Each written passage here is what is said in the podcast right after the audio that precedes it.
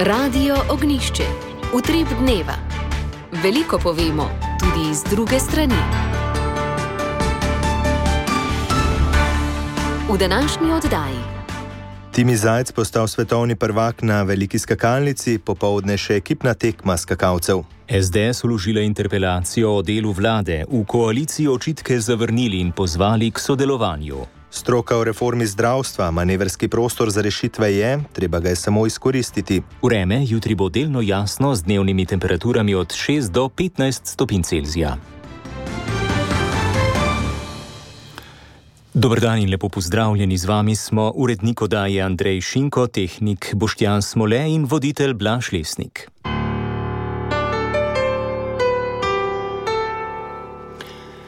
Slovenski smučarski skakalec Timi Zajc je na domačem svetovnem prvenstvu v Planici na veliki napravi postal svetovni prvak. To je četrta zlata kolajna za Slovenijo v zgodovini nordijskih svetovnih prvenstev ter drugo odličje na tem prvenstvu. Naši fantje imajo že popovdne priložnost za še eno odličje, saj bo ob 16.30 minut na sporedu ekipna tekma. Več Andrej Šinko. Vzdušje v planici je bilo včeraj bistveno boljše kot v preteklih dneh. Skakalci so v dolino pod Poncami privabili skoraj 10 tisoč gledalcev, ki so bučno navijali, na koncu pa se tudi veselili zlate kolajne našega Timija Zajca. Ta je tekmo nestrpno pričakoval že od zgodnjega jutra. Zjutraj sem se zelo zgodaj zbudil in ja, cel dan sem jim rekel, bil sem rahlo nervozen. Ko mi sem čakal, da se skupaj začne, nekako vidim, bo ali ne bo. Tako da ti se bo mučno, ampak takoj po prvi seriji sem nekako dobo tisto sproščenost, mirno, vedel sem, da pač bo medalja. Tako da ja, po prvi seriji je bilo pa zelo fajn. Po prvi seriji drugovrščeni zajec je v finalu znova skočil sjajno in pristal pri 137 metrih, s tem pa zanesljivo prevzel vodstvo, na to pa čakal le še na vodilnega po prvi seriji Japonca Ryoja Kobayashi, ki je bil na koncu drugi, tretje mesto pa je zasedel Poljak David Kobacki. Trener naših skakalcev Robert Hrgota. Tim je deloval že od prvega skoka zelo suveren in smo se nekako taktično potem odločili za določene stvari. K sreči, oziroma nekako se je to išlo, kar smo si želeli, s pušanjem poskusnih serij, mogoče s kakšno rampo dol. Konec koncev tukaj treniramo precej časa, vemo, kjer je naleti, s katerih naletov treniramo, v kakšnih pogojih in uh, danes je to išlo, imamo svetovnega prvaka. In to po nekoliko slabši tekmi na mali skakalnici, kjer naši niso osvojili medalje, na kar so verjetno vplivali tudi nekatere čudne odločitve vodi tekmovanja. Kljub temu pa se je Slovenija včeraj le razveselila najžlahtnejše kolajne. Se zdaj, če pogledam, se splača potrpeti celo sezono, pa biti tako 10, 15, 20 mesta, pa na tisti domeni tekmi nekaj dobiti, mislim, da je to um, največ vredno. Um, ja, zlata posamična, da je to največ. Je dejal Zajec, ki zdaj upa še na kakšno olimpijsko posamično medaljo. Na nordijskem svetovnem prvenstvu so zlato pred njim osvojili Franci Petek leta 1991, Rok Benkovič leta 2005 in Ema Klinec leta 2021. Za Zajca pa je to že tudi druga medalja na tem prvenstvu, saj je Bron osvojil na mešani ekipni tekmi z Niko Križnar, Emo Klinec in Anžitom Laniškom. Danes popovdne pa imajo naši fantje priložnost za še eno medaljo in sicer v moški ekipni tekmi, ki se bo na veliki skakalnici začela ob 16:30.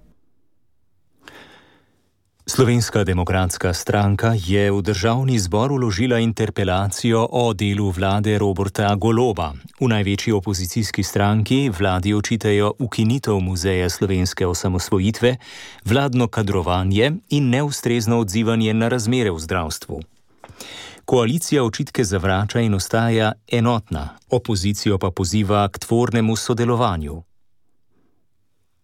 V slovenski demokratski stranki vladi učitajo, da je ukinitev muzeja slovenske osamosvojitve politično motivirana in predstavlja norčevanje iz slovenske zgodovine. Kritični so tudi glede ukinitve demografskega urada, ki da je nujen zaradi negativnih demografskih trendov. Ukinitev muzeja slovenske osamosvojitve je v bistvu napad na vrednotni sistem, na katerem temelji Republika Slovenija in okrog katerega je v bistvu spisana slovenska ustava. Ukinitev urada za demografijo v državi, ki ima eno najstarejših prebivalstv na svetu, je v bistvu napad na samo bistvo našega obstoja, ker če ne bo slovencev, tudi ne bo Slovenije. Je poudaril prvak SDS Janez Janša. Koaliciji učitajo tudi opustitev dolžnega ravnanja na področju nezakonitih migracij, zdravstva in zdravstvenega varstva ter neostrezno javno finančno politiko. O tem, zakaj so se odločili za vložitev interpelacije in nekonstruktivne nezaupnice, pa je prvak SDS dejal. Z to razpravo v državnem zboru želimo na nek način razložiti vladi nekatere stvari, ker ne verjamemo, da prav vsi člani te vlade in vsi uh, poslanci vladne koalicije to, kar počnejo, delajo uh, iz neke ideologije ali pa iz nekih negativnih uh, vzgibov. Zato pričakujejo, da bo razprava v državnem zboru odgovorila na vprašanje, v kolikšni meri vlada uresničuje prisego, da bodo njeni člani spoštovali ustavni red in delovali za blaginjo Slovenije. V koalicijskih gibanju Svoboda, SD in Levici učitke v interpelaciji v celoti zavračajo in ostajajo enotni opozicijo pa pozivajo k tvornemu sodelovanju pri napovedanih reformah.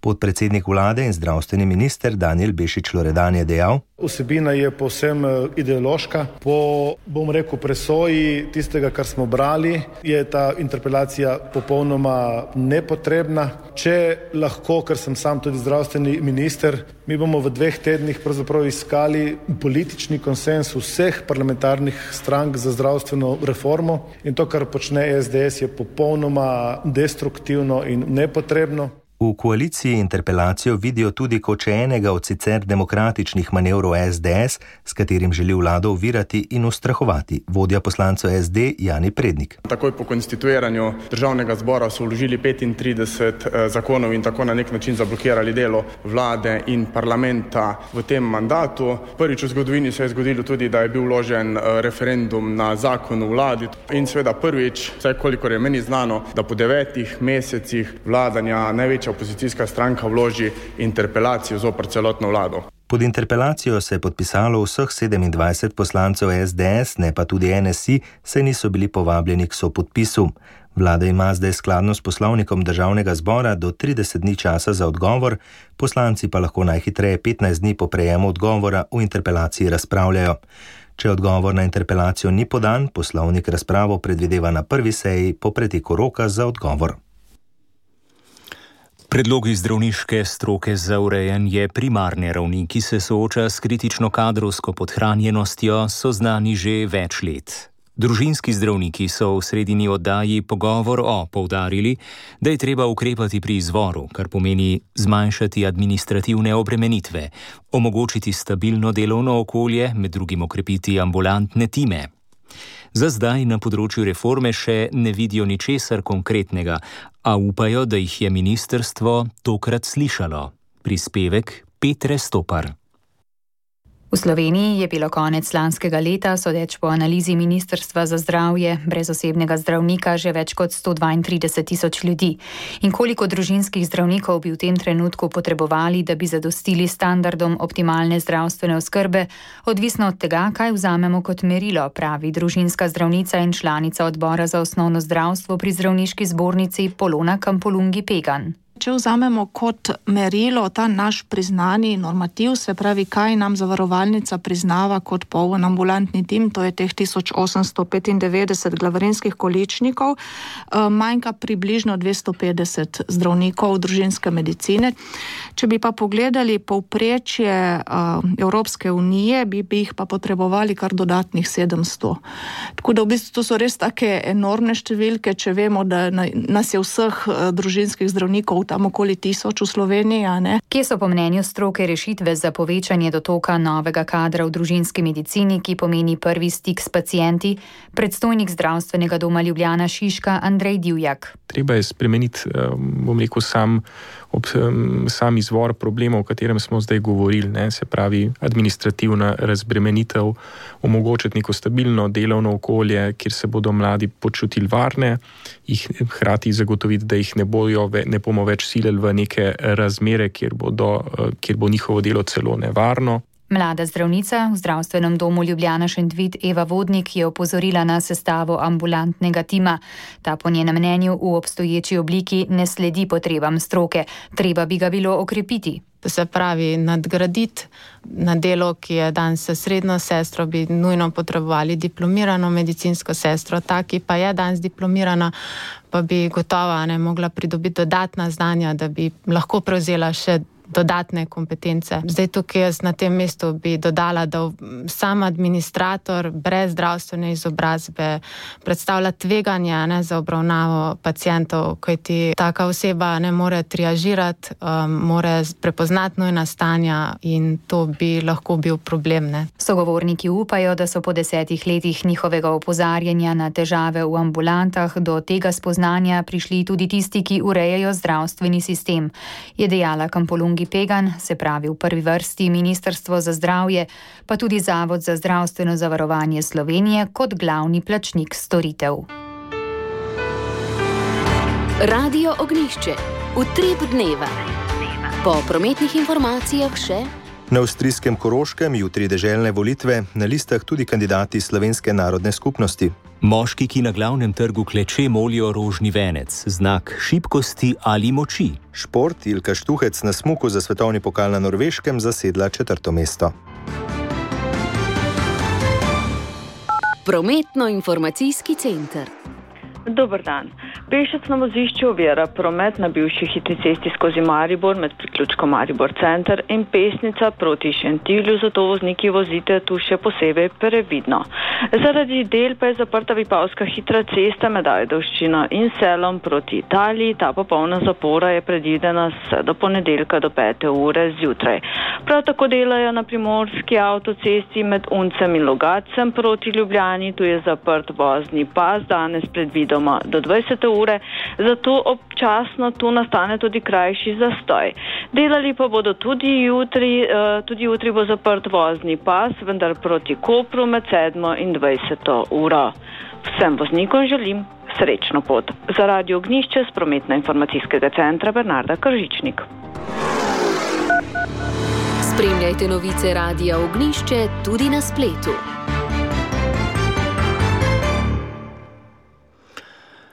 Poglejmo v Ukrajino. Spopadi na vzhodu te države se nadaljujejo. Moskva je osredotočena na zauzetje mesta Bahmut v regiji Donetsk. Sile na obeh straneh pa poročajo o velikih izgubah v boju za nadzor nad tem mestom. Ruske si enote je na frontni liniji obiskal obramni minister Sergej Šojgu, kjer se je seznanil z razmerami in odlikoval vojake. Ameriški predsednik Joe Biden pa je včeraj v Washingtonu gostil nemškega kanclerja Olafa Šolca, s katerim sta govorila zlasti o nadaljni pomoči Ukrajini. V Lvovu je medtem potekala konferenca Združeni za pravico, kjer je bil spremenjen sporazum o skupni preiskovalni skupini za kazniva dejanja storjena v Ukrajini. S tem je bila, po besedah Evropskega komisarja za pravosodje Didjeja Reindersa tlakovana pot za ustanovitev mednarodnega centra za pregon kaznivega dejanja agresije proti Ukrajini. Ena od krovnih organizacij slovencev na avstrijskem Koroškem, skupnost koroških slovencev in slovenk, je pozvala k udeležbi na jutrišnjih deželnih volitvah. Kot nadstrankarska organizacija ljudem ni svetovala, kako naj volijo, jim je pa priporočila naj pri svoji odločitvi upoštevajo dosedanja dejanja strank in kandidatov. Več Alen Salihovič. Skupnost koroških slovencev in slovenk je spomnila, da so na listah nekaterih strank tudi kandidati iz vrst slovenske narodne skupnosti. Vodja stranke slovenske manjšine Enotna lista Gabriel Hribar je nedavno povedal, da med slovenci, ki kandidirajo na volitvah, dobro kaže nosilki liste zelenih poslanki v avstrijskem parlamentu Olgi Foglauer in nekdanjemu županu železne kaplje Francu Jožefu Smrtniku na listi ekipe Koroška. V primeru prepričljive zmage socialdemokratov bi se morda nekoliko kasneje po oblikovanju državne vlade v parlamentu v celovcu uvrstil še predsednik Zveze slovenskih organizacij Manuel Juk, ki je 18. na listi te stranke. Za naš radio je o tem, kaj pričakuje od državnih volitev, povedal. Mislim, državna vlada. Ki je bila v zadnjih petih letih sestavljena iz socialdemokratske stranke in ljudske stranke, ki je v redu delovala, mislim, da zelo pozitivno v imenu narodne skupnosti in seveda upamo, da se bo ta pozitivna pot nadaljevala in seveda v Zvezi slovenskih organizacij nismo dali, ker smo seveda nadstrankarska organizacija, direktnega volilnega priporočila, seveda pa upamo na to, da se bodo okrepile tiste sile, ki želijo delovati v prid slovenske narodne skupnosti in našega jezika. In kako jug ocenjuje kampanjo?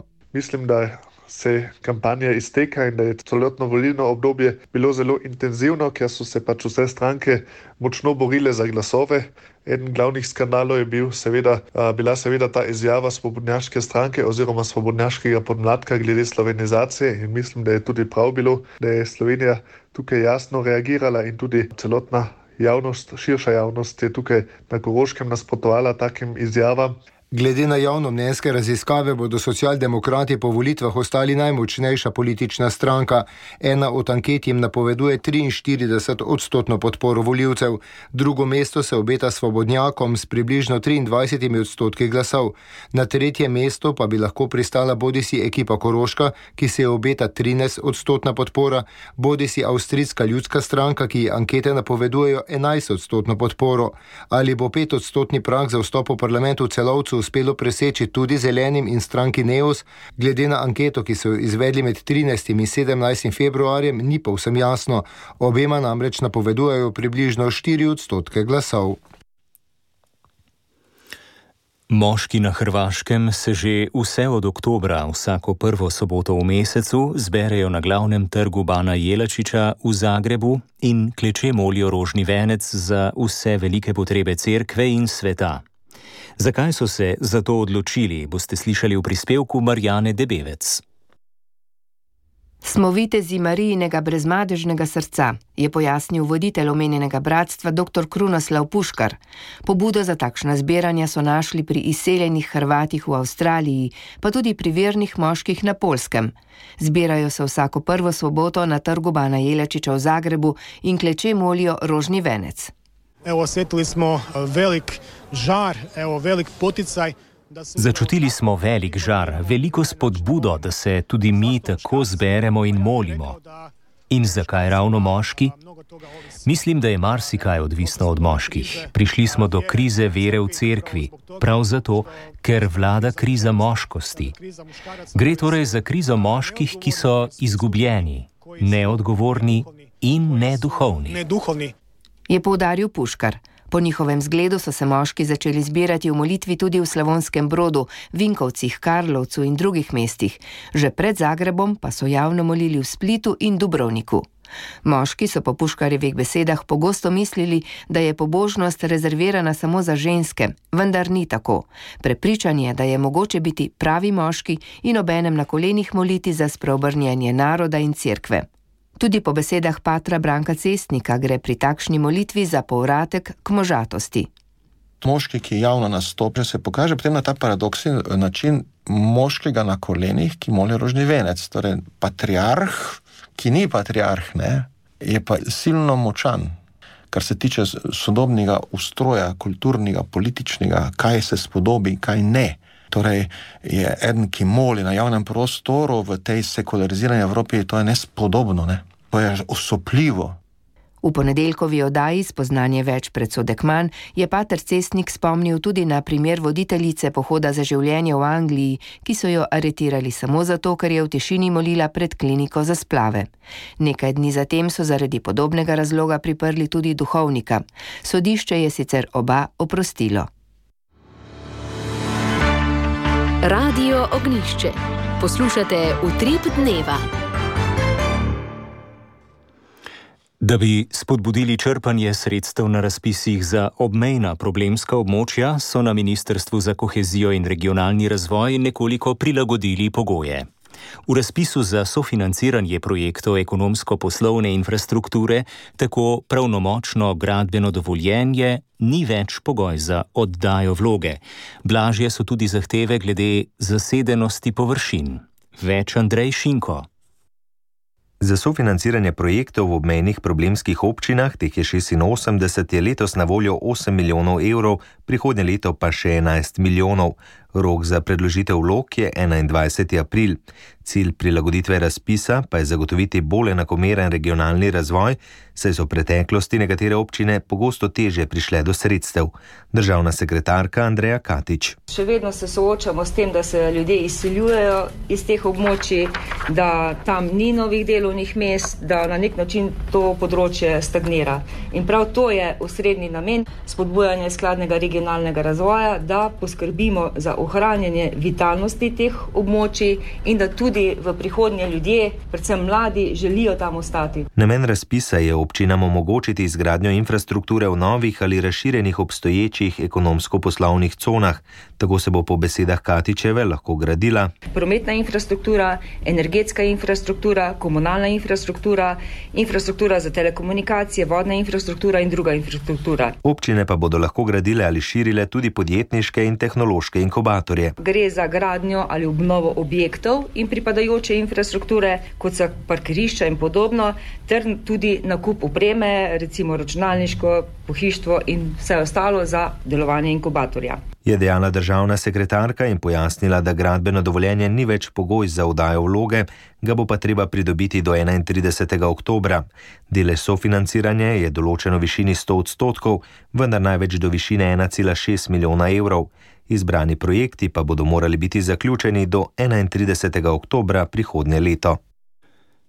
Zavod za gozdove Slovenije naj bi v tem tednu pripravil posvet o aktualni sečnji na območju ukrajinskega parka Tivoli, Rožnik in Šišenski hrib. Z njim želijo osvetliti celotni proces upravljanja gozda na omenjeni lokaciji. Kaj se trenutno dogaja na tem območju, kako so strokovnjaki argumentirali ta poseg in kaj jih je zgodba pri samem komuniciranju z javnostmi naučila, nam je v nedavni oddaji doživetja narave povedal vodja Ljubljanske območne enote Viktor Miklavčič. Prispevek Roka Mihevca. Izvajalci so januarja sečnjo zaradi razmočenega terena ustavili. Poteka tudi intenzivno usklajevanje stroke in lastnika, to je mestna občina Ljubljana, glede nadaljevanja izvajanja ukrepov na tem območju. In zakaj pravzaprav je prišlo do poseka? Drevesa so na tem območju, za katerega je značilna socialna funkcija, postala stara in predstavljajo nevarnost zaradi odpadanja suhih vej kar pa ne gre skupaj z socialno funkcijo, s prehajanjem, rekreacijo in podobnimi aktivnostmi v gozdu, ker je pač treba skrbeti tudi za varnost obiskovalcev. Je povedal Miklaučič. Težava je tudi alga fitoftora, ki napada korenine dreves. Opazimo jo kot črni izcedek iz skorje na bukvi pomeni pa prisotnost tega organizma, da so zelo verjetno tudi načete korenine dreves, eh, s tem se stabilnost dreves zmanjša. Opazimo pa to po nesorazmerju velikosti eh, koreninskega sistema pa dreves. To se opazi pri vetrolomih oziroma pri podiranju dreves, ko padajo cele drevesa zaradi vetra. Takrat se zelo lepo vidi pač velikost drevesa in pa pripadajoči koreninski sistem, ki je nesorazmerno mehen. Ta organizem uh, se najbolj pogosteje prenaša z vodo in pa iz, uh, na, obisko, na čevljih obiskovalcev. Tako da je v bistvu velika prisotnost obiskovalcev v gozdu pravzaprav pomeni tudi večjo ranljivost tega gozda. Ta pojav je bil značilen prav za najlepši del gozda tega območja, ki je zadnja leta opazno hiral in propadal. Da smo ocenili, da verjetno ne bodo preživeli naslednjih 10 do 15 let, in bi bilo škoda, da pač takrat, ne vem, v roku desetih let poškodujejo mladi gost, ko bojo pač stihijsko padla in smo se pač odločili, da je ta poseg treba izvesti. Kot je še povedal Miklaučič, se dogovarjajo o ukrepih, s katerimi bi posekali manj dreves, kot je bilo sprva odobreno, a morajo imeti izvedeni ukrepi še vedno smisel. Radio Ognišče je v sodelovanju s Kompasom pripravil dvodnevno romanje v Lurd, ki ga vodi ljubljanski načkov Stanislav Zore. Romari so proti Lurdu poleteli zgodaj zjutraj, danes naj bi najprej počastili Lurško gospo pri Votlini, pozneje pa se združili pri Sveti Maši in Križevem potu. Romanje bodo zaključili jutri zjutranjo Sveto Mašo in ogledom glavnih točk Bernardkine poti. Za Slovenko leta 2022 je revija Jana v Linhartovi dvorani Cankarevega doma včeraj razglasila Mileno Zupančič, eno najpomembnejših slovenskih igralk ter gledaliških in filmskih ustvarjalk 20. stoletja in prvo žensko, ki je prijela Badjurovo nagrado za dosežke v filmu. Izbrana je bila med enajstimi kandidatkami.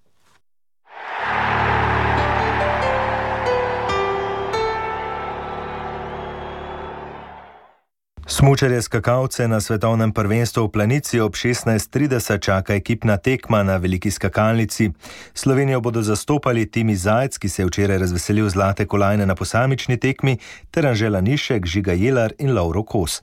Zaradi pozitivnih čustev, pa tudi forme, se največ pričakuje prav od Zajca, ki je največji cilj izpolnil že včeraj, ko je postal svetovni prvak. V nastopu je povedal: Nervozen čakaš, a bo tista prva skalka, ne bo dovolj, kjer boš. Takoj pa prvi serij sem pa vedel, da, pač, da ni doben tako močen danes, da lahko mi te vzel, tako da visok je res bil zelo lep. Dobre obete za tekmo daje tudi vrstitve ostalih naših fantov na včerajšnji tekmi. Anžela Nišek je bil 11, Žiga Jelar 16, Domen Prevc pa je bil 21, vendar bo danes namesto njega v ekipi Kos. Švedinja Eba Anderson je zmagovalka zadnje tekaške preizkušnje na svetovnem prvenstvu. Na najdaljši 30-km tekmi v klasični tehniki je slavila prepričljivo zmago, skoraj minuto naskoka pred tekmicami. Edina slovenska tekačica Neža Žerjav je preizkušnjo končala na 42. mestu, skoraj 19 minutami zaostanka. Norvežanka Kajsa Vikhof Lee pa je zmagovalka prvega ženskega smuka za svetovni pokal alpskih smučark na Norveškem po 20 letih. Zelo dobro se je na progi znašla edina slovenska smučarka Ilka Štuhec, ki je z najhitrejšo vožnjo med vsemi na zadnjem odseku skočila tik pod stopničke na četrto mesto. Drugo mesto je osvojila italijanka Sofija Gođa, boj za tretje mesto pa je pripadlo švicarki Corinne Suter. Norveški zvezdnik Johannes Tinjes B. je zmagovalec tudi za sledovalne preizkušnje za svetovni pokal v Češkem novem mestu. Z eno zgrešeno tarčo je po 12,5 km premagal svojega brata Trija Beja. Tretje mesto je osvojil šved Martin Ponsiluoma. Najboljši slovenec je bil Aleks Cisar na 25. mestu. Slovenska futsal reprezentanca si je v prvem krogu kvalifikacij za svetovno prvenstvo prihodnje leto že zagotovila napredovanje v drugega. Na svoji tretji tekmi je v Podgorici še drugič premagala Črnogoro, tokrat z izidom 4 proti 1, tako pa si zagotovila že najmanj drugo mesto v skupini. Tina Šutej se bo danes na 37. dvoranskem Evropskem prvenstvu v atletiki v Carigradu potegovala za zlato medaljo. Finale skoka s palico bo ob 17. uri in 5 minut po slovenskem času, 45 minut pozneje bo v finalu troskoka nastopila Neja Filipič. Ob 17.23 bo v drugi polfinalni skupini na 800 metrov tekla Anita Horvat, ki ima tretji zid sezone v Evropi. Tudi sama je napovedala boj za zmagovalni oder, finale bo v nedeljo. Jutranja nastopa pa nista prinesla uspehov, Robert Trener je v kvalifikacijah skoka s palico končal na 16. mestu, na repu udeležen teka na 60 metrov vire pa je bila tudi Joni Tomičič Prezel. To so bile športne novice v tri podneva.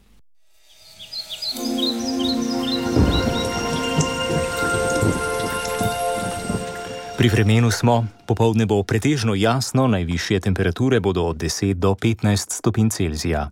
Jutri bo delno jasno z občasno povečano oblačnostjo, zjutraj in dopovdne bo po nekaterih nižinah megla.